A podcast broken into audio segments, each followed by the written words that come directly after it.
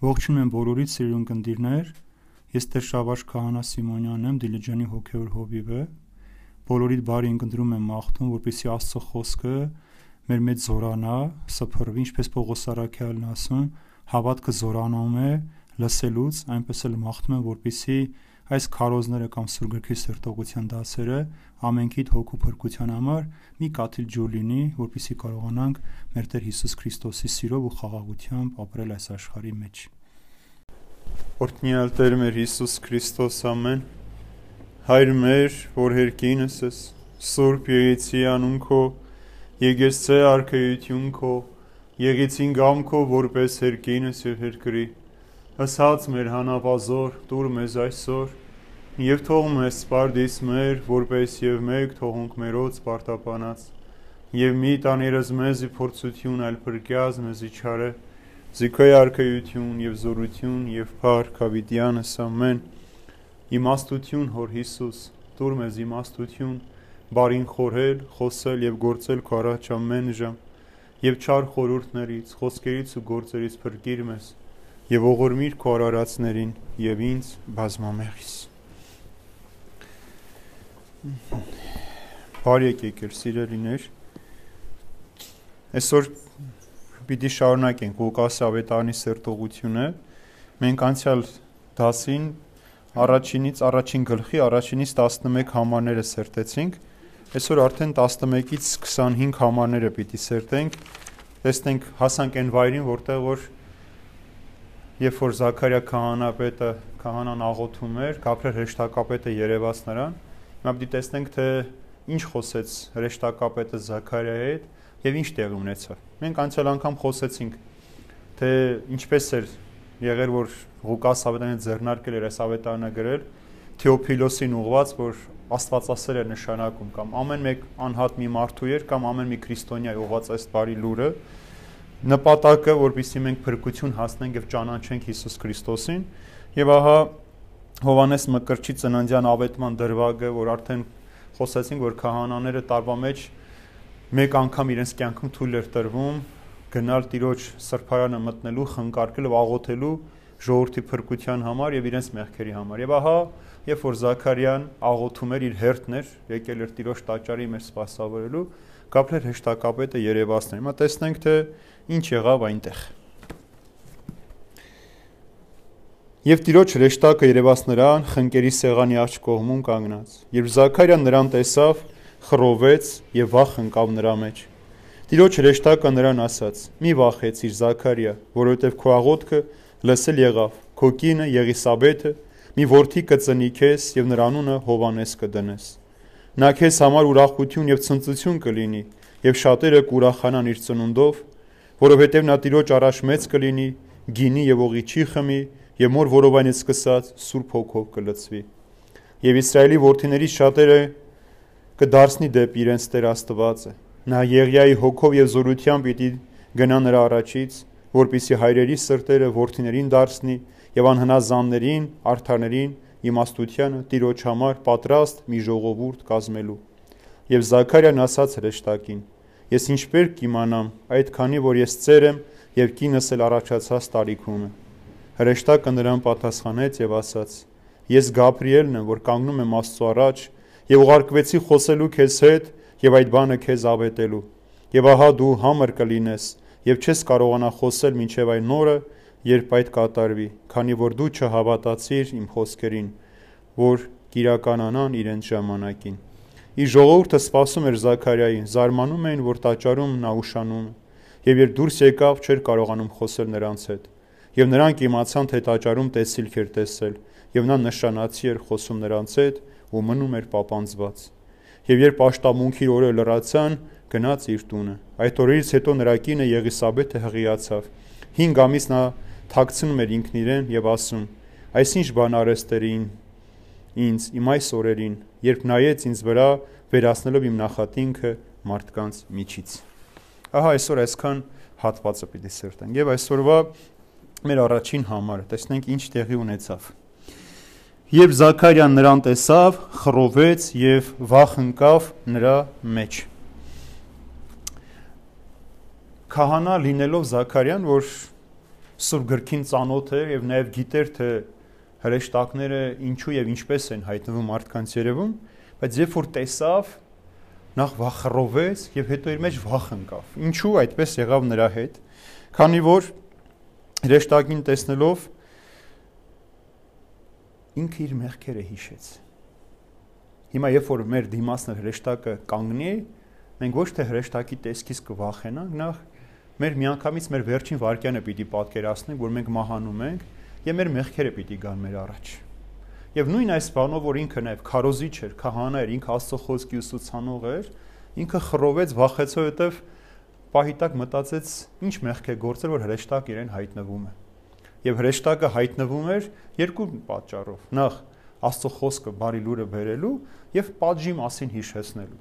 Եվ մենք էլ մարդիկս առաջին բանը, որ մեր մտքով անցնում է, մեր պատժի մասին ենք մտածում, չէ՞։ Կամ երբ որ անակնկալ մեկը զանգում է, առաջին բանը մենք վախեցած ինչ է եղել, ինչ է պատահել, լոված բան չի եղել։ Նույն այսպեսքով էլ, ուրեմն Զաքարյան իր մեղքերը հիշեց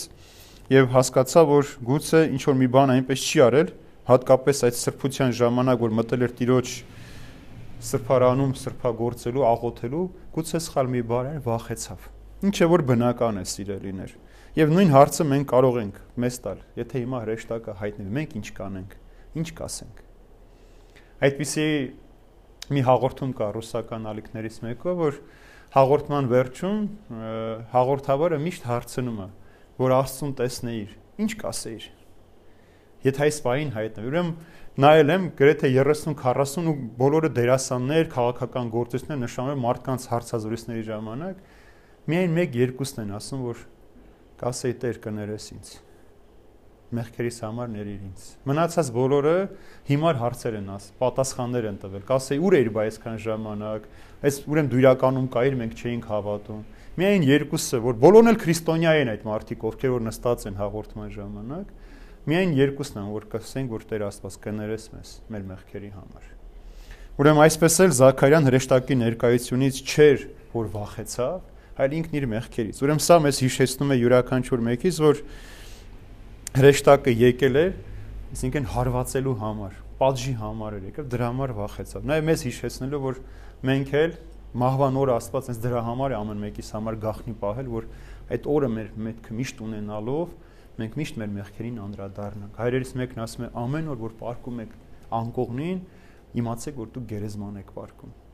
Դագաղի մեջ եք պարկում, որpիսի առավոտյան հարություն առածեցին մաքրված կամ Հիսուս ասում է երբ որ բարկանում եք թող արևը մայր չմտնի ձեր բարկության վրա այսինքն չարությամբ չպարկեք որովհետև գուցե դա մեզ համար վերջինն է ուրեմն այնպես էլ Զաքարյան աղոթելով սարսափեց քանի որ հրեշտակի սրբության ճառակումից իր մեղավոր բնությունը տեսավ իր մեղքեր իր աչքի առջև եկավ Եվ տիրոջ հրեշտակը նրան ասաց մի վախեցիր Զաքարիա որովհետև քո աղոթքը լսելի եղավ Քո կինը Եղիսաբեթը մի որդի կծնի քեզ եւ նրա անունը Հովանես կդնես։ Հրեշտակը ճանաչում էր Զաքարիային, ինչպես բոլորիս անվանապես գիտեն, մեր գործերով եւ կենցաղով։ Ուրեմն այստեղ զարմանալու բան չկար, որ հրեշտակը անունով դիմում է։ Աստված բոլոր բոլոր մարդկանց անուններով է ճանաչում, իրենց գործով գիտի մարդկանց եւ իրենց կենցաղով գիտի։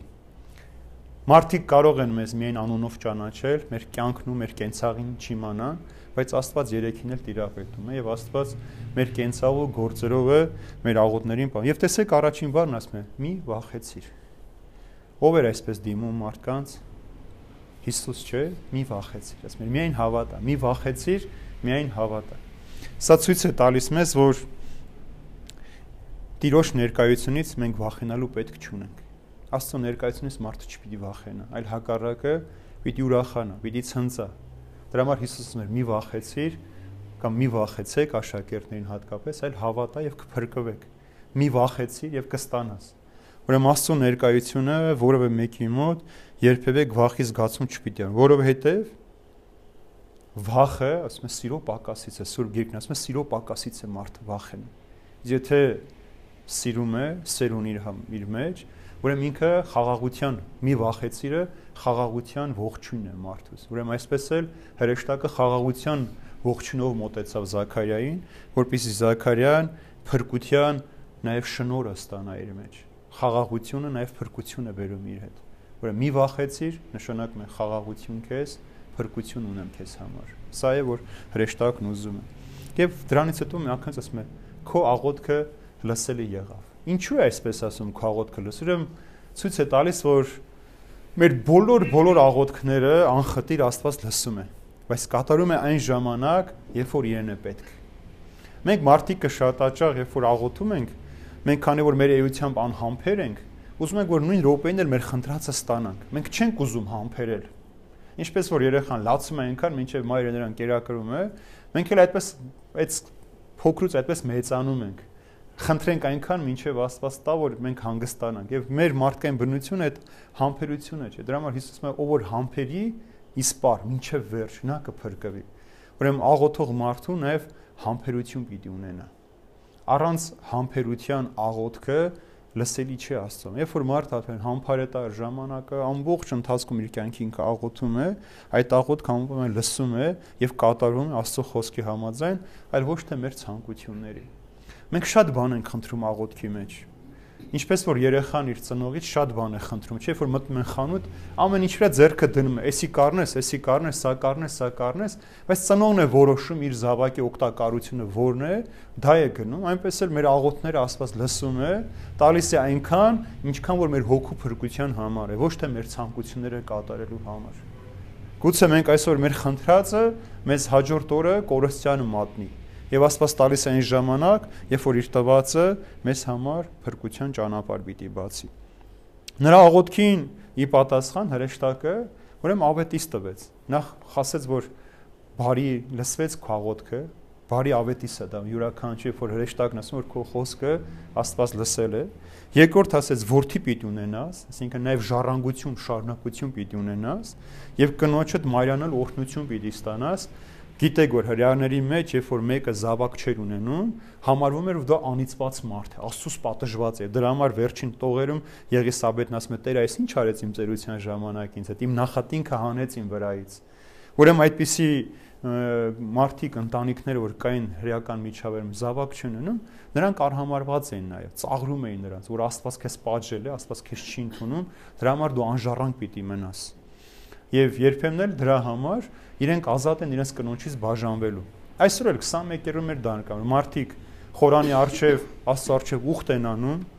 խոստանում են հիվանդության եւ առողջության, հարստության եւ աղքատության ժամանակ սիրելու հոգ տանել մեկը մյուսի հանդեպ, բայց երբ որ զավակի խնդիր են ունենում, որ երկար ժամանակ զավակ չեն ունում, փոխադարձ համաձայնությամբ իրարից բաժանվում են, որտեվ անպայման տղայի կողմը զավակ է ուզում։ Եվ եթե զավակ չկա, նշանակում որ այդ սերն էլ չի եղել։ Եվ եթե սերը, համբերությունն էլ չկա, աղոթքը չկա, դες ասում է Զաքարյան, ուրեմն խոր ծերություն միջև աղոթել էր զավակ ունենալու համար, ժառանգ ունենալու համար, եւ Աստված ծերության մեջ նրան ուրախացրեց, մայրության օրհնության արժանացեց, ժառանգ ունենալու եւ բարի ավետիսը բերեց, հրեշտակը եկավ նրան տեսնելու։ Եվ ասում է, ահա որդի կունենաս եւ նրա անունը կդնես Հովանես։ Հովանես գիտեք ինչ է նշանակում։ Աստված ողորմած է։ Հովանես բառը անունը նշանակում է Աստված ողորմած։ Ուրեմն նաև անունի միջոցով է Աստված ցույց տալիս իր ողորմած լինելը, որ քո աղոթքը լսելի եղավ, ես ողորմություն արեցի քեզ հայրանալու, մայրանալու, ժառանգ ունենալու եւ Աստծուն փառաբանելու ձեր խորության մեջ։ 14-րդ համարի մեջ եւ նա քեզ համար ուրախություն եւ ցնծություն կլինի եւ շատերը կուրախանան իր ծնունդով։ Ուրեմն Հովանես Մկրտիչի, դեսեք ասում են նա ուրախություն ցնցունի եւ ոչ միայն դուք, այլև շատերը կուրախանան։ Ինչու? Որովհետեւ Հովանեսը ոչ միայն իր ծնողների համար ուրախություն ցնծություն, այլև ամբողջ մարդկության համար ուրախության պատճառ պիտի դառնա, որովհետև Հովանեսը ծնվում էր Մեսիայի, մեր փրկչի ճանապարհները հարթելու եւ շատերի սրտերը դեպի Տերը բերելու, բացելու շատերի։ Շատերի համար Հովանես Մկրտիչը հիշում եք կտեսնենք այդ դրվագը, որ շատերը գալիս էին Հովանես Մկրտչի մոտ մկրտվելու իրենց մեղքերի խավության եւ թողության համար։ Ուրեմն Հովանես Մկրտիչը ինչու պետք է ուրախություն, ցնծություն լինել, հիմա հաջորդ համարի մեջ կասեմ, որովհետև մինչև Հովանես Մկրտչի ծնունդը Աստված 400 տարի չէր խոսել մարդկանց հետ։ Այսինքն ոչ հրեշտակներն են հայտնվել մարդկանց, ոչ Աստծո падգամամերներ մարգարեներն էին եկել եւ ժողովուրդը կարծես մնացել էր հոտ առանց հովի եւ ահա այս ծնունդը շատերի համար ուրախություն պիտի լինի որովհետեւ նա տիրոջ առաջ մեծ կլինի գինի եւ օղի չի խմի եւ մոր որով այն սկսած սուրբ հոգով կլծվի Ուրեմն երկու կարևոր բան այստեղ։ Տիրոջ առաջ մեծ կլինի այդ մարդը։ Ուրեմն Հովանեսը ոչ միայն արդեն ասա իր ծնողների ուրախությունը, ցնծությունը պիտի լիներ, այլև բոլոր մարդկանց եւ Աստծո ուրախությունը պիտի լիներ։ Գիտեք Հովանես Մկրտչի, երբ որ ծնվեց, Հիսուսից 6 ամիս էր մեծ Հովանես Մկրտիչը։ Եվ երբ որ գիտեք Զաքարիային սպանեցին եկեղեցու աղոթքի ժամանակ, նրա մայրը Հովանեսին թաքցրեց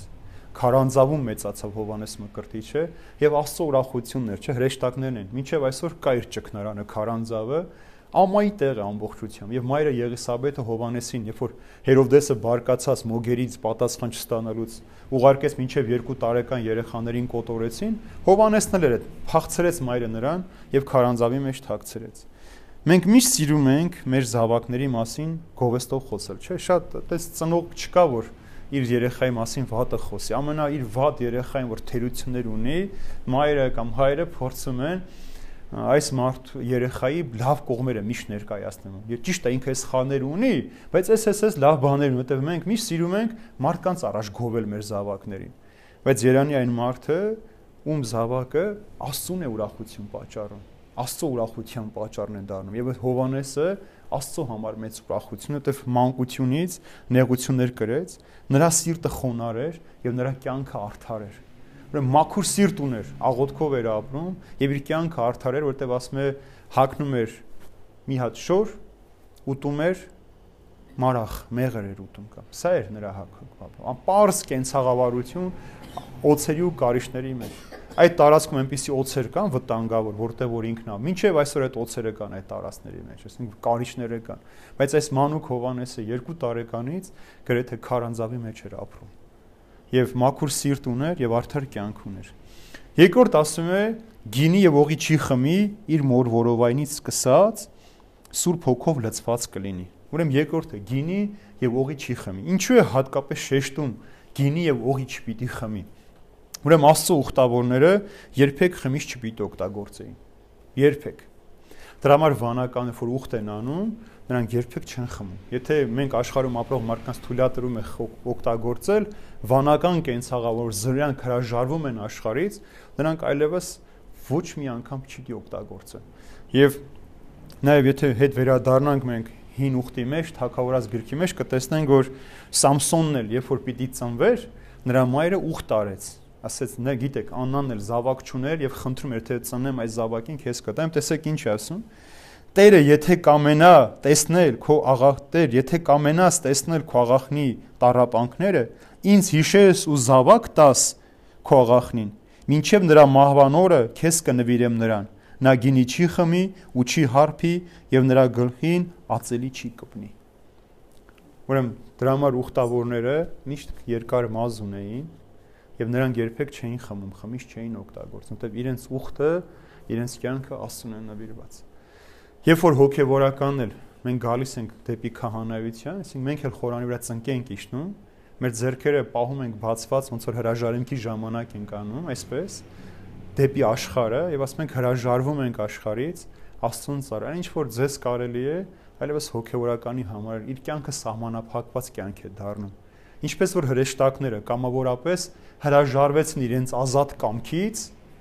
Աստծու հետ լինելու համար, այնպես էլ հոգեվորականը կամ վանականը ուխտավոր ով որ ուխտ է անում աստծուն ծառայելու ինքը կամավոր հրաժարում այն ամեն ինչից ինչը որ աշխարհին է հատուկ եւ աշխարհիկ հաճույքներ են այս մարդը դրա համար ուխտավորը ասում է գինի եւ օղի չպիտի խմի իր մինչեւ մահվան վերջին օրը եւ նրա գլխին ածելի չպիտի կպնի այսինքն մազերը երբևէ չպիտի սափրվի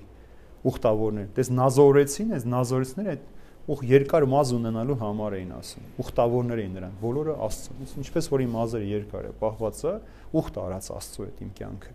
Դրա համար եմ ես մազերս երկար պահում։ Ուրեմն այնպես էլ Հովանես Մկրտչի պարագաներ հրեշտակը արդեն ավետ ոչ թե այնտեղ աննանն է խնդրում Աստծո եթե քո աղախնու վրա նայես եւ զավակ տաս ես ուխտ եմ անում այստեղ հրեշտակը նախապես ասում է որ այս մարդը ուրախություն պիտի լինի Աստծո համար գինյողի չի վիխեմի եւ տեսեք կարեւոր հայտարարությունում մոր որովայնից արդեն սկսած սուրբ հոգով լցված պիտի լինի ուրեմն մինչեւ Հովանես Մկրտիչը այսպեսի դեպ երբևէ չի եղել չեք գտնի մեկին որ ծնված օրից Սուրբ Հոգին նրա մեջ լիներ, Սուրբ Հոգով ինքը գործեր։ Հին կտակեն որ տեսնում ենք, որ մարգարեները գալիս էին խոսելու, նրանք միշտ չէ որ Սուրբ Հոգին ունեին, այլ այն ժամանակ էր, երբ որ գալիս էին Աստծո խոսքը փոխանցելու։ Եվ Հովանես Մկրտիչը աշխարհի մեջ առաջին մարդ եղավ, որ իր ծնունդից առաջ արդեն Սուրբ Հոգին ուներ, ծնունդով Սուրբ Հոգին մնաց եւ մինչեւ իր մահվան վերջին վարքյանը Սուրբ Հոգով լցված էր։ Ուրեմն տեսեք ինչքան կարևոր բանը, երբ որ ծնողը ինչև իր զավակի ծնվել անընդհատ աղոթքով խնդրում է Աստծուն, որ այս զավակը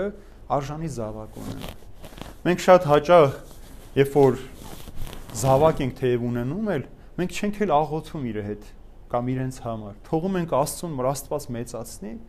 բայց մոռանում ենք, որ եթե մենք աղոթ չաղոթենք, չի լծվի Սուրբ Հոգով այդ մարդը։ Ինչու է եկեղեցին երեխային հենց ծնված օր արդեն 8-րդ օրը մկրտում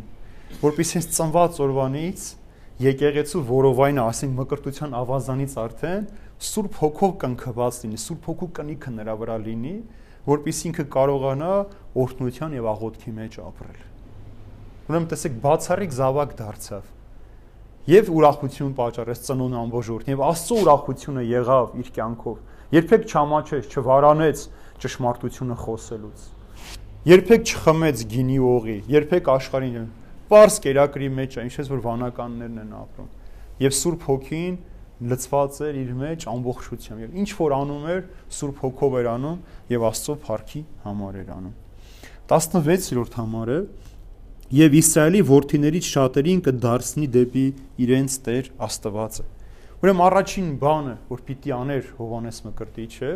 Իսրայելի որդինի շատերին այսինքն պիտի հրավիրեր ապաշխարության եւ առաջին բառը Հովանես Մկրտչի սա էր. Ապաշխարեցեք, որովհետև երկնքի արքայությունը մոտեցել է։ Առաջին բառը սա էր՝ ապաշխարեցեք։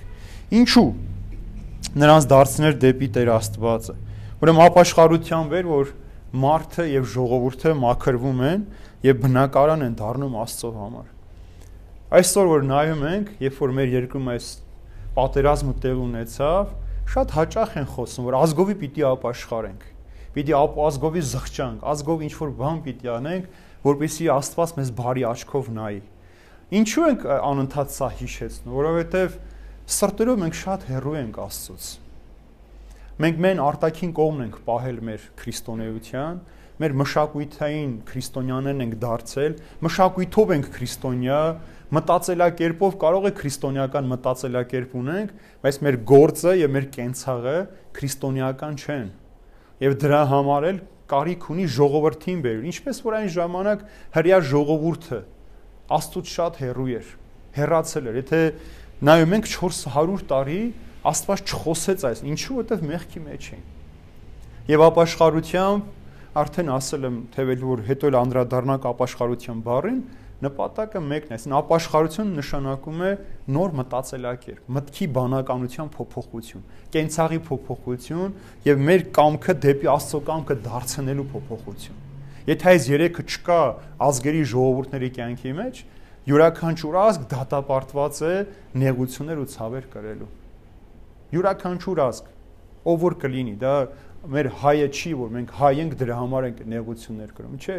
մենք վատ քրիստոնյաներ ենք, դրա համար ենք այս նեղությունները կրում։ Վատ քրիստոնյա լինելու պատճառով մենք լավ քրիստոնյաներ չենք։ Սա հստակ պիտի մեր մեջ ամրագրենք, որ մենք սրտով դեռևս Աստծուց շատ հեռու ենք։ Եվ վերջին վերջին մարգարեն Մաղաքյան մարգարեն էր եղել, ասացի արդեն որ 400 տարի չէր խոսել այս ժողովրդի հետ։ Եվ այս պատճառով Հովանես Մկրտչի գար նորից այդ սրտերը դեպի Աստված բերելու։ Եվ դրա համար եկավ ասելու որ ապաշխարեցեք, որովհետև երկնքի արքայությունում, այսինքն Հիսուսը պիտի գա։ Հիսուսը պիտի գա։ Առաջի բանը էր գալիս էր Հիսուսի ճանապարհները բացելու եւ հարդարելու։ 17-րդ համարի մեջ տեսեք շատ հետարքի արդեն համեմատություն պիտի արնի արդեն Գաբրիել Ռշտով։ Նա Եղիայի հոգով եւ զորությամբ պիտի գա նրա առաջից, որպեսի հայրերի սրտերը worthներին դարձնի եւ անհնազաններին արթարների իմաստությունը, տիրոջ համար պատրաստ մի ժողովուրդ կազմելու։ Նա Եղիայի հոգով պիտի գա։ Նա տիրոջ արժևից պիտի գնա իբրև падգամաբեր նրա գալուստը падգամելու։ Ուրեմն Եղեղեցում պատարակի ժամանակ խորանից առաջինը ի՞նչն է իշտում, երբ որ վարակույրը բացում է, խաչվառը, չէ՞։ Քահանայից առաջ է գալիս։ Գիտեք, ասել են, որ քահանան Քրիստոսին աշխարհ գալն է խորհրդանշում, ուրեմն խաչվառը նախ նաև թակավորական դրոշն է, որ թակորից առաջ դրոշ է գալիս, նաև խորհրդանշում է Հովանես Մկրտչին, որ գալիս է ճանապարհը բացելու, չէ՞։ Հիմա որ դրոշը տեսնում ենք, մենք բացվում ենք, չէ՞, որ թափորը գա, հետո նոր քահանան է մոտենում եւ այդ ընթացքը մենք կոչում ենք աշխարհ գալոց, Քրիստոսի աշխարհ գալու խորհրդով։ Այնպես էլ Հովանես Մկրտիչը եկավ, որպիսի բացի ճանապարհը Հիսուս Քրիստոս եւ Եղիայի ոգով պիտի գար։ Ուրեմն Եղիայի հոգով եւ զորությամբ։ Գիտեք Եղիա մարգարեի պատմությունը,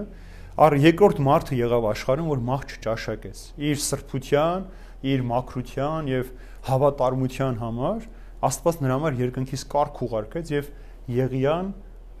բարձրացավ երկինք Աստծո մոտ։ Եղիանն էլ խիստ էր ապրում։ Հիսուսի Հովանես Մկրտչի պես էր իր կենցաղավարությունը եւ պայքարում էր արդարության համար եւ անընդհատ հիշեցնում էր Աստծո թակավորությանը մասին։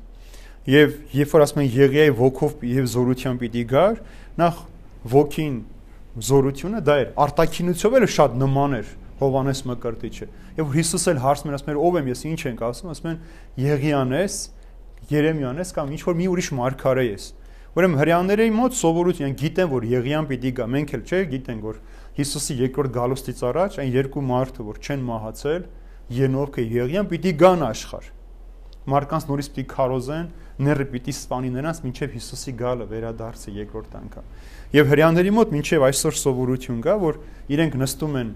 ճաշի, մի ափսե բաժակով ամեն պարագաներով դնում են Եղիայի բաժինը, որ Եղիան կարող է ցանկացած պահի գալ, որպես իրեն սեղանին մասնակից լինի։ Եվ Եղիայի ոգով ու զորությամբ արդարության պայքարով պիտի գար եւ նախանձախնդիր էր, որ կատարվեր բոլոր բոլոր այն արդարությունները, որ Աստված հաստատել է մերոն։ Եվ հիշում ենք Եղիան ինչ արեց, չէ՞։ Հովհակոփոս Արաքյալ ինչ ասում է, Եղիան էլ մերպես մարդ էր, մեղքերն ու կրքերի ենթակա, բայց աղոթեց 3 տարի 6 ամիս անձրև չտեղաց։ Այսինքն երկինքը կապեց։ Հետո աղոթեց, նորից երկինքը բացվեց եւ անձրև թափվեց երկնքից։ Ուրեմն այսքան զորություններ Եղիան Աստծո մոտ եւ Աստծո համար։ Նույն ձևով էլ Հովանեսը նույն կենցաղավարություն ուներ, օրվա թակավորին հիշում եք Հերոդոսին հանդիմանում էր իր եղբոր կնոջ հետ ամուսնանալու համար։ Եվ անընդհատ որտեղ որ տեսնում էր, անպատվում էր թակավորն, ասում էր ամոթ քեզ, մեղ քեզ գործում, քո եղբայրը ողջ է, դու նրա կնոջը տամուսն եւ դրա պատճառով էլ կինը ատելությամբ լցվելով Հովանես Մկրտչի գլուխը պահանջեց որպեսի լրացնեն Հովանես Մկրտչին։ Ստիպած էր ձև ճուներ Հովանես Մկրտչին, պաճելու ստիպած բանտարկեց, կինն էլ օգտվեց, երբ որ հարբած էր, չէ, Հերովդեսը արդեց, ինչ ես ուզում, կնոջ աղջկան, ասաց Հովանես Մկրտչի գլուխն եմ ուզում սկուտեղի վրա։ Եվ քանի որ խոստացել էր, այպես էլ պատահեց։ Հովանես Մկրտչին գրխատեցի։ Երկրորդ երրորդ Հովանեսը եկա, որպեսի ժողովրդին պատրաստի Հիսուսի համար եւ ժողովուրդը մաս պիտի կազմեր։ Հիսուսի ամբողջ գալու նպատակը ոչ թե իր փառքը, իր հզորությունը ցույց տալ աշխարհին, այլ մարդկանց դեպի փրկություն առաջնորդեր։ Հիսուսի գալու նպատակը սա էր եւ իր կենցաղով, եւ իր գործով, իր ապրոսկով Հովանես Մկրտիչը այդ ամենը պատրաստում էր Հիսուսի համար։ 18-րդ համարը Եվ Զաքարիան ասաց հրեշտակին. Ես ինչ կերպ կիմանամ այդ, քանի որ ես ծեր եմ եւ կինս էլ առաջացած տարիքում է։ Մեծ խալ գործեց այստեղ Զաքարյան։ Կասկածեց Աստծուն։ Նշան խնդրեց ասում է ես Աստծոց եմ եկել Աստված ասում է լսեցի քո աղոթքը որդի պիտի ունենաս մեծ ուրախություն պիտի պատճառի սուրբ հոգով լցված պիտի լինի հանկարծ Զաքարյան ասում է ի՞նչ նշան ցույց կտաս նշան է խնդրում այսինքն ապացույց է փնտրում կամ խոստում եմ, ինչ նշան ցույց կտած, որ անպայման լինելու է։ Շատ նման է, չէ՞, այսօրվա մեր մարդկային կյանքին։ Երբ որ մեկին հավատք ես հravirում, ասում է, ինչ նշան ցույց կտաս։ Ինչ ապացույց ունես։ Շատերն ասում են, թող հենց իմ Աստված երևա կհավատամ։ Այսինքն անընդհատ ինչ որ բան տեսանելի, շոշափելի, նյութական մենք բան ենք պահանջում Աստծուց։ Նույն արեց Զաքարյան հավատալու փոխարեն իր ֆիզիկական կարողության վրա նայեց, որ արդյունք ես արդեն ծեր եմ, առաջացած տարիքում եմ, կինս էլ չբեր է արդեն դարձել, որտեղ արգանդը չորացել է, ո՞նց պիտի պատահի։ Ուրեմն չնայեց Աստծո զորությանը, նայեց իր ֆիզիկական վիճակին։ Մարիամ Աստվածածինն էլ, չէ, հարցեց, բայց ինչպես պիտի պատահի, ես տղամարդ չեմ տես, այսինքն ամուսին չունեմ։ Նա պարզ մանկական հարցում արեց, ապացույց որ այսինքն ինքը նշանված լինելը դեռ ամուսնացած լիներ չէր, ինքը տղամարդը չէր ապրել, ինչպես պիտի պատահի։ Տեսեք Մարիամի հարցը այլ էր։ Նշան չէր ուզում, ասում են հարցում էր ինչպես պիտի պատահի, ո՞նց է լինելու ինձ հետ այդ ամեն ինչը։ Բայց Զաքարյան նշան պահանջեց եւ բերեց իր օրինակը։ Ես արդեն ծեր եմ, առաջացած տարիքում եմ, բայց չէ որ ինքը Աբ รา համի օրինակը ուներ իր կյանքի մեջ։ Երբ որ հրեշտական ասեն որ հաջորդ տարի որ գանք, այսօր ու տղա կունենաս, Աբրահամը ոչինչ չկասկածեց, բայց Սարան կինը, ասում մտքի մեջ բաներ, չէ՞ ծիծաղ, ինչպես պիտի պատահի, հանսեց ինչու է կինդ ծիծաղում։ Մեն նույն բանը իմանալով հանդերձ ցույց է տալիս, որ մենք էլ շատ հաճախ հավատքի գործերը, խոսքերը, մարդկանց կյանքը գիտենք, բայց պահի տակ մենք էլ ենք թուլանում եւ մեր կյանքի մեջ թերահավատության նշաններ ենք ցույց տալիս։ Եվ սա նայեց իր թերության վրա եւ ոչ թե Աստծո զորության վրա։ Եվ սա պատճառ եղավ, որպիսի իր անհավատությամբ պատժվի։ Հիմա տեսնենք, թե ինչ ասեց Գաբրիել հրեշտակապետը։ Հրեշտակը նրան պատասխանեց եւ ասաց. Ես Գաբրիելն եմ, որ կանգնում եմ Աստծո առաջ, ես ուղարկվեցի խոսելու քեզ հետ եւ այդ բանը քեզ ավետելու։ Գաբրիելը արդեն խստությամբ է խոսում։ Ասում է. Ես Գաբրիելն եմ, որ կանգնում եմ Աստծո առաջ։ Ուրեմն Գաբրիել նշանակում է Աստծո մարդ Ուրեմն Աստծո մարդը, Աստծո խոսքը, խոսքի բերողը եկել քո արչև կանգնել Ոնց որ այսօր թակավորը մեկը գա, ասի երկրի թակավոր ես մենք ասենք, չէ, մի հատ նշան ցույց տուր դու տեսնեմ դու երկրի թակավորն ես, թե չէ։ Ուրեմն Գաբրիել արդեն խստությամբ խոսեց. Ես եկել եմ Աստծուց եւ Աստված է ուղարկել ինձ եւ Զաքարյան իրավունք չուներ կասկածելու։ Իրավունք չուներ պարզապես կասկածելու։ Եվ Գաբրիելը Աստծուց էր եկել, Աստծո խոսքը փոխանցողն էր, եւ Աստված էր ասում, թե ինչ պիտի պատահի նրա հետ։ Ոչ թե Գաբրիելն էր ասում,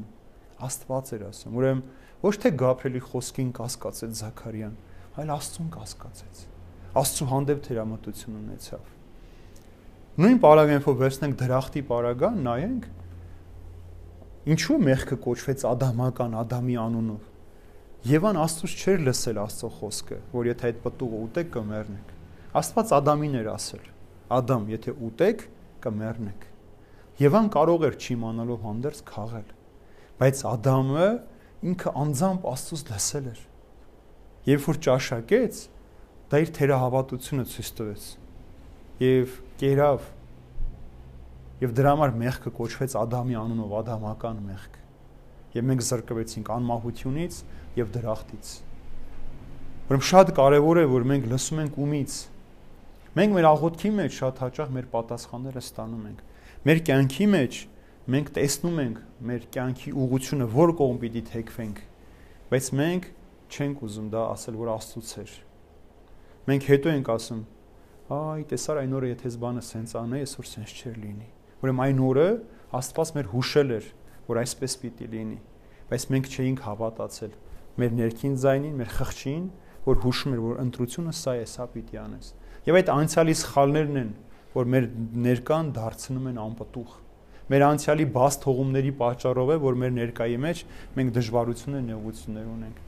Օրինակ բանտարկյալները շատ հաճախ արդարանում են ասելով, որ բայց ասում է ես այդ մեղքի համար զղջացել եմ, կամ ինչի պիտի բռնվե ես մեղքի համար ասում եմ պարտադիր չի դու ես մեղքի համար ասում են միշտ ասում են գնացի եկեղեցի հենց մոն վառեցի աղոթեցի հաջորդ օրը բռնվեցի ասում եմ եթե գնացել ես եկեղեցի զղջացել ես ուրեմն պիտի պատասխան տաս, պիտի ապաշխարես քո արածի համար։ Հիմա այստեղ էլ Զաքարյան իր թերահավատության համար պիտի պատժվեր, պիտի համր դառնար։ Հիմա տեսնենք 20-րդ համարի մեջ ինչ ասում հրեշտակը նրան։ Եվ ահա դու համր կլինես եւ չես կարողանա խոսել մինչեւ այն օրը, երբ այդ կատարվի, քանի որ դու չհավատացիր իմ խոսքերին, որ կիրականանան իրենց ժամանակին։ Նշան էր ուզում որպես պատիժ համր կլինես, որովհետև դա թերահավատություն էր։ Ինչու պատժեց, ինչու համար եղավ, այսինքն ինչու ուրիշ ձև չպատժեց, չկուրացրեց կամ հիվանդություն չտվեց, այլ պարզապես ասեց համար պիտի։ Պաճառը շատ կարևոր, տեսեք ինչ հետարքիր, ես մե որպիսի Զաքարյան այլ մարդկանց կասկածելի խոսքեր չխոսեր կասկածելի բաներ չասեր, չխեղաթուրեր եւ թերահավատության սերմեր չցաներ մարդկանց մեջ։ Տեսեք Աստված ինչքան խորագիտությամբ արեց, որpիսի չհելներ ինչ որ բաներ պատմեր, ինչ որ սխալ մեկնաբանություններ անել, ինչպես որ շատ հաճախ չէ մենք մեր տեսածը, լսածը մեր պատկերացրածով ենք պատմում, ոչ թե մեր տեսածով ու մեր լսածով։ Մի քանի բառ էլ մեր կողմից ավելացնում ենք։ Հայտնի ֆիլմը հիշում եք, մենք ենք մեր սարերը, չէ՞, որ ասում եմ մի գործ էի քննում, մի մարդ իր կնոջ մատանին տարավ, ինքը լսեց, բայց ինքը վերցրեց, որ իրենն էր այդ խոսքը ինքը մեկնաբանեց։ Ուրեմն որpիսի Զաքարյանն էլ կասկածելի խոսքերը չեն եւ թերահավատության սերմեր չսերմաներ մարդկանց մեջ, Աստված փակեց նրա վրա որ չհավատաց, որpիսի ժամանակին կատարի։ Նաև նրա համար երկրորդ, որ Զաքարյան իր մենության մեջ մնար տիրոջ մտածեր տիրոջ զորության մասին։ Նաև երբեմն դրա, եւ անհավատությունը պատիժներ արժանի նրա։ Սա պատիժ էր եւ արժանի էր, որ մնար ինքն իր մեջ ու անրադառնար, ինչու կասկածեցի։ Երբ որ շատ հաճախ հետարքիր մի վանականի կյանք էի կարդում, տեսնված ու ապրված կյանք էր, այսպես էս գիրքը կոչվում, ասում եմ ես երկար տարիներ վանքում վանական կյանք սովորեցի եւ հետ է վերադառնում իմ հայրենիք որpիսի գնայի վանքում եւ սկսեի մարդկանց հավաքել եւ վանական կյանք ստեղծել։ Սա 19-րդ դարի մասին է խոսքը։ Ասում եմ, երբ որ հայրենիք էի գալիս, դեն ժամանակ այսօր մեքենաները չկար, ոդկով, ձերով, ասում եմ, գիշերը պիտի անտառում անտառապահի տանը մնայի։ Ասում եմ, շատ գեղեցիկ աղջիկ ուներ, գայթակղվեցինք, մեղքի մեջ ընկանք, բայց ասում առողջության ես հորը խոստովանեցի, որ այսպեսի բան եմ արել եւ պատրաստ եմ ամուսնանալ քո աղջկա հետ։ Համաձայնությունը տրվեց, ծնողներս էլ եկան, ասում եմ արդեն երբ որ պիտի ամուսնանայինք 3 օր առաջ աղջիկը մահացավ։ Եվ ես էլ ասում եմ, հետարքի ասում եմ, կորցրեցիմ խոսելու շնորհը։ եմ, ես այլևս 3 տարի ինձանից պահանջեց, որ ես կարողանամ Աստծո խոսքը խոսել վերականգնած։ Բայց չէի կարողանում Աստծո խոսել, աղոթել, քարոզել 3 տարի ասում է հետո նոր Աստված ինձ վերադարձեց այդ շնորհը։ Ուրեմն եթե Զաքարիային 9 ամիս տևեց, տեսեք մեղք է, նույնն էլ մեր կյանքի մեջ է։ Մենք գիտենք, ամեն մեկս լավ գիտենք, որտեղ որ խոսք ինչպես ենք ասել, չարությամբ ենք ասել, նենգությամբ, արհամարանքով, ծաղրանքով, ատելությամբ, թե ուրախությամբ։ Մենք լավ գիտենք որտեղ ինչ ենք խոսել եւ մեր աղոթքի ժամանակ որտեղ ենք սրտանց աղոթել, որտեղ ենք պարզապես աղոթել։ Եվ արդեն մեզանից է կախված մեր ներսիմ Աստծուն փնտրելու, Աստծո զորությունը գտնելու, որպեսզի նորից մեր շնորը խոսելու, գործելու կարողությունը կարողանանք վերադարձնել մեզ։ 21-րդ համարը իր ժողովուրդը սпасում էր Զաքարիային, զարմանում էր, որ տաճարում նա ուշանում է։ Ուրեմն խնկարկության աշտամունքը ոնց որ մենք բուրբարը վերցնում ենք եկեղեցին որ խնկարկենք 5-10 րոպե ավել չի տևում խնկարկություն անելը հանկարծ Զաքարյան ուշանում է չկա եւ քանի որ ինքը ծեր էր տարիքն հասուն տարիքում էր ժողովուրդ անհանգիստ էր որ ուշագնաց չլինի ինչ որ մի բան պատահած չլիներ եւ անհանգստացան Զաքարիայի համար։ Ուղղակի պիտի անհանգստանային։ Եվ գուցե մտածում են աղոթքի, բայց առաջինը անհանգստություններ ծերության համար, թե ինչու այդպես պատահեց։ 22-րդ համարի մեջ, ասում է, եւ երբ նա դուրս եկավ, չէր կարողանում խոսել նրանց հետ։ Եվ նրանք իմացան, թե տաճարում տեսիլք էր տեսել, եւ նա նշանացի էր խոսում նրանց հետ ու մնում էր պապանձված։ Ուրեմն հрьяաների մեջ սովորություն կար եւ իրենք նաեւ հավատում են դրան, որ եթե մեկը ձերքով ոդկով հաստա նշանացի է խոսում, ուրեմն այս մարդը անպայման տեսիլք էր տեսել ինչ որ մի բան իր հետ կատարվել էր դրա համար էր այդպես խոսում եւ պարագան նույնն էր Զաքարիայի Ժողովուրդը, տեսեք, Զաքարյան չասեց, բայց իրենք հասկացան, որ տաճարում ուրեմն ինչ որ մի կարևոր բան էր տեղի ունեցել, դրա համար ուշացավ եւ դրա համար լեզուն պապանձված եւ նշանացի խոսում։ Հիմա այս պատերազմից հետո մենք շատ զինվորներ ունենք, որ չեն խոսում, պապանձվել են, կակազում են, բերանները կապ են գալ, չեն կարողանում խոսել։ Վախից, պայթունից եւ նույնը, այսինքն բնականաբար մենք էլ հիմա որ տեսնենք մի հրեշտակին հելնի իմ դիմացը, գուցե ես էլ պապանձվեմ եւ ամենքս էլ պապանձվենք։ Չկարողանանք խոսել։ Նշանակում է, որ տեսիլքեր տեսել, ուրեմն Աստծո հետ կապված ինչ որ կարևոր մի բան կար։ Եվ նշանացի էր խոսում կամ գրում էր, ինչպես որ հետո կտեսնենք, հեսա ծննդյան ժամանակ ասում են նրա անունը Հովանես է, վերցրեց ու տախտակի վրա Զաքարյան գրեց, որ անունը Հովանես է։ 23-24 համարները. Եւ երբ պաշտամունքի օրերը լրացան, նա գնաց իր տունը։ Եվ այդ օրերից հետո նրա կինը Եղիսաբեթը հղիացավ։ 5 ամիս նա թաքցնում էր ինքն իրեն եւ ասում։ Վերջին համարը կկարդա։ Ուրեմն քահանայության իր ծառայություն օրերը 12 օր, արդեն ասեմ, 12 օր տաճարում իր տարի իր կյանքի ամբողջ ընթացքում ամեն քահանայի բաժանվում, որ երկու շաբաթ 14-ը 12 օր ինքը իր պաշտամունքը արեց եւ վերադարձավ իր տուն եւ կատարվեց հրաշք, ասել են որ սա սեպտեմբեր ամսին էր այս պաշտամունքը, երբ որ լինում էր։ Ուրեմն սեպտեմբերից երբ որ հաշվենք 9 ամիս, գրիթե մյուս հաջորդ տարվա հունիս ամիսին մոտավորապես Հովանեսը ծնվեց եւ 6 ամիս հետո արդեն հունվարի 6-ին Հիսուսը ծնվեց։ Եվ կատարվեց հրաշք, ուրեմն ծերացած էր, արդեն անկարող էր եւ նրա կինը հղիացավ տիրոջ խոստման համանձայն։ Եվ Եղիսաբեթը 5 ամիս թաքցնում էր։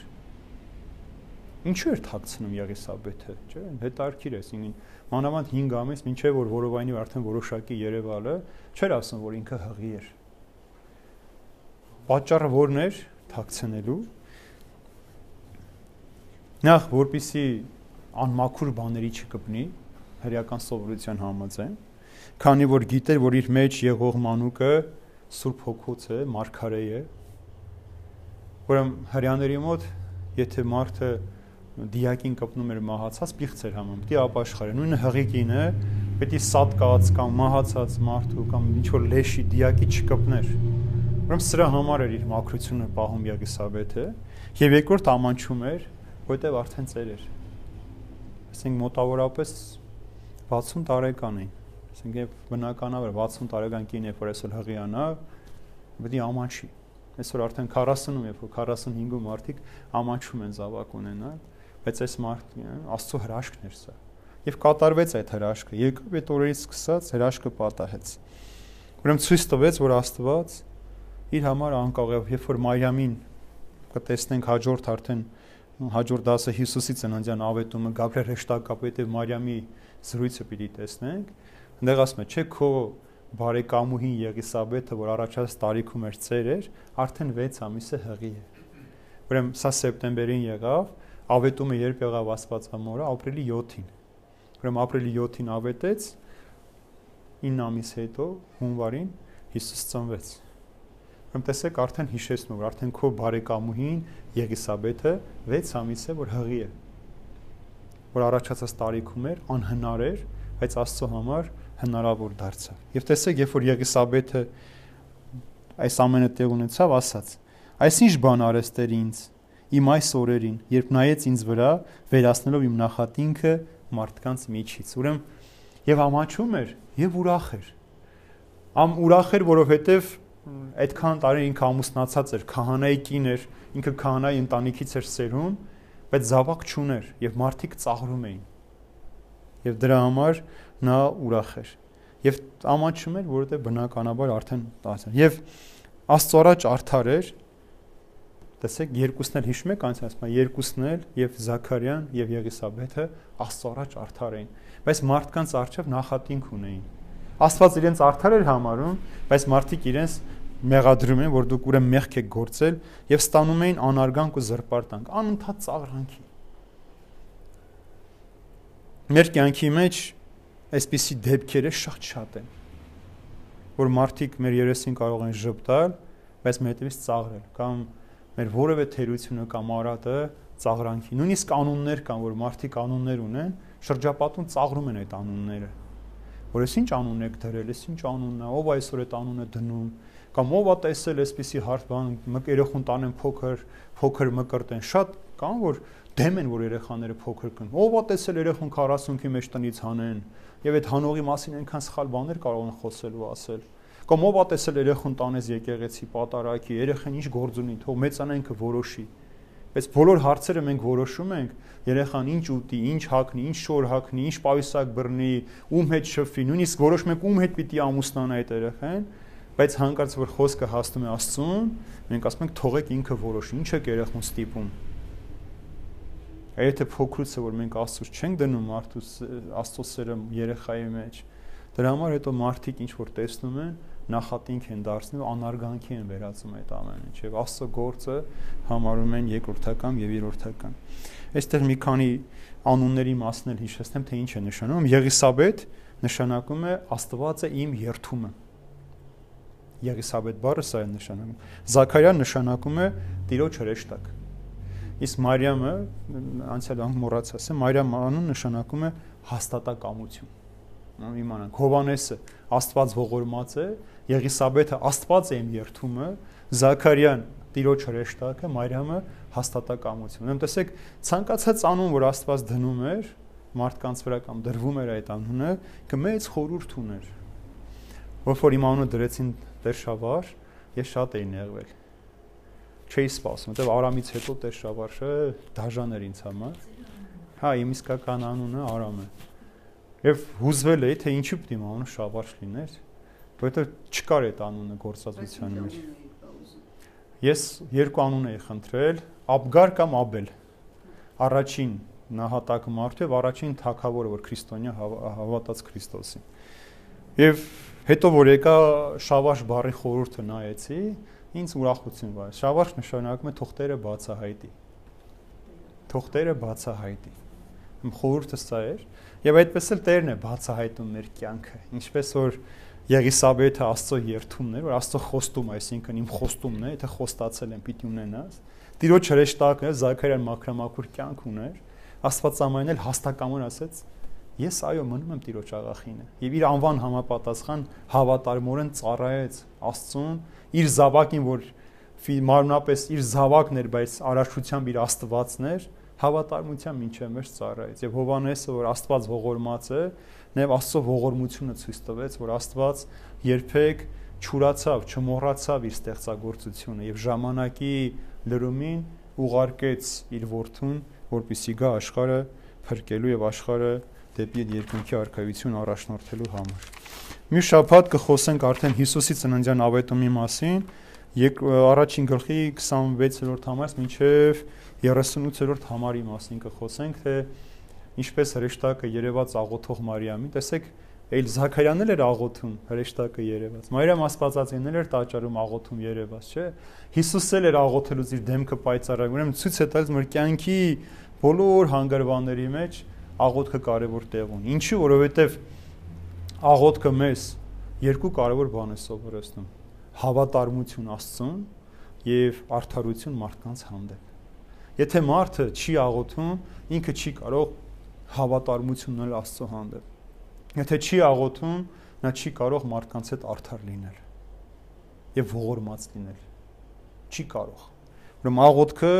կարմիր թելի պես մեր ճանապարհը լուսավորող այն կանթեղն է, որ մեր կյանքի մեջ լուսավորում է, որ մենք միշտ Աստծո հետ հավատարմությունը պահենք։ Առանց այդ հավատարմության մեր կյանքի մեջ խաղաղություն չի լինելու։ Մեր կյանքի մեջ ուրախություն առիթները շատ քիչ պիտի լինեն, եթե չկա աղոթքը մեր կյանքի մեջ։ Եթե աղոթքը կա, մեր ցավն էլ, մեր կորուստն էլ ենք հասկանում, մեր ուրախության ժամանակավրեպ լինելն էլ ենք տեսնում, մեր նեղություններն էլ ենք տեսնում, որ ցավն էլ ենք տեսնում, որ Աստծո փառքի համար է։ Ամեն բան ինչ որ տրվում է մարդու կյանքին, Աստծո փառքին ծառայեցնելու համար է։ Եվ որևէ բան կյանքում էս մեկը կարևոր է, որ պատահական ոչինչ չի լինում մեր կյանքում Երբեք չմտածի, որ սա պատահական եղավ։ Ամեն ինչ լինում այնպես, ինչպես Աստված մեզ առաջնորդն էր։ Ինչպես որ Զաքարիային ու Եղիսաբեթին իրենց աղոթներն լսելի եղան եւ Աստված իրենց ուրախությունը ցնցություն ապարգևեց եւ իրենք մարգարե զավակ ծնեցին, որը ծնունդից սկսած Սուրբ Հոգով լցված Տիրոջ ծառան եղավ աղոթքի մեջ, մեր ժամագրքի մեջ ասում է շարականի մեջ ասում է այսօր երկնային հրեշտակները ուրախացան երկրավոր հրեշտակի ծնունդով։ Հովանես Մկրտչի ծննդյան շարականի մեջ այդպես է ասում. Երկնային հրեշտակները ուրախացան երկրավոր հրեշտակի ծնունդով։ Ուրեմն երկրավոր հրեշտակի ծնողներն էլ Զաքարյան եւ Եղիսաբեթ եղան։ Եթե մենք էլ աղոթող լինենք, Աստված էլ մեր զավակների, մեր միջոցով մեծ հրաշքներ պիտի գործև Աստծո փառքի համար։ Աստված պահապան բոլորիդ սիրելիներ։ Խաղաղություն թող լինի, որ մեզ արժանացնում է այս օրերին, որ կարողանանք միասին Սուրբ Գիրքը սերտել, միասին աղոթել, միասին ընթերցել եւ Աստծո խոսքերը հասկանալի լինի մեզ համար։ Աստված պահապան բոլորիդ խաղաղություն ցես։ Թող Տերը օրհնի ամենքիդ, խաղաղությունը սիրո մեջ պահի եւ սիրո Աստվածը թող ամենքիդ ընտանիքների մեջ զորություն, պահպանություն պահի, որպեսզի երբևէ չսասեն ու չվախենաք այս աշխարհի բոլոր նեղություններից ու դժվարություններից։ Աստված պահապան ամենքիդ։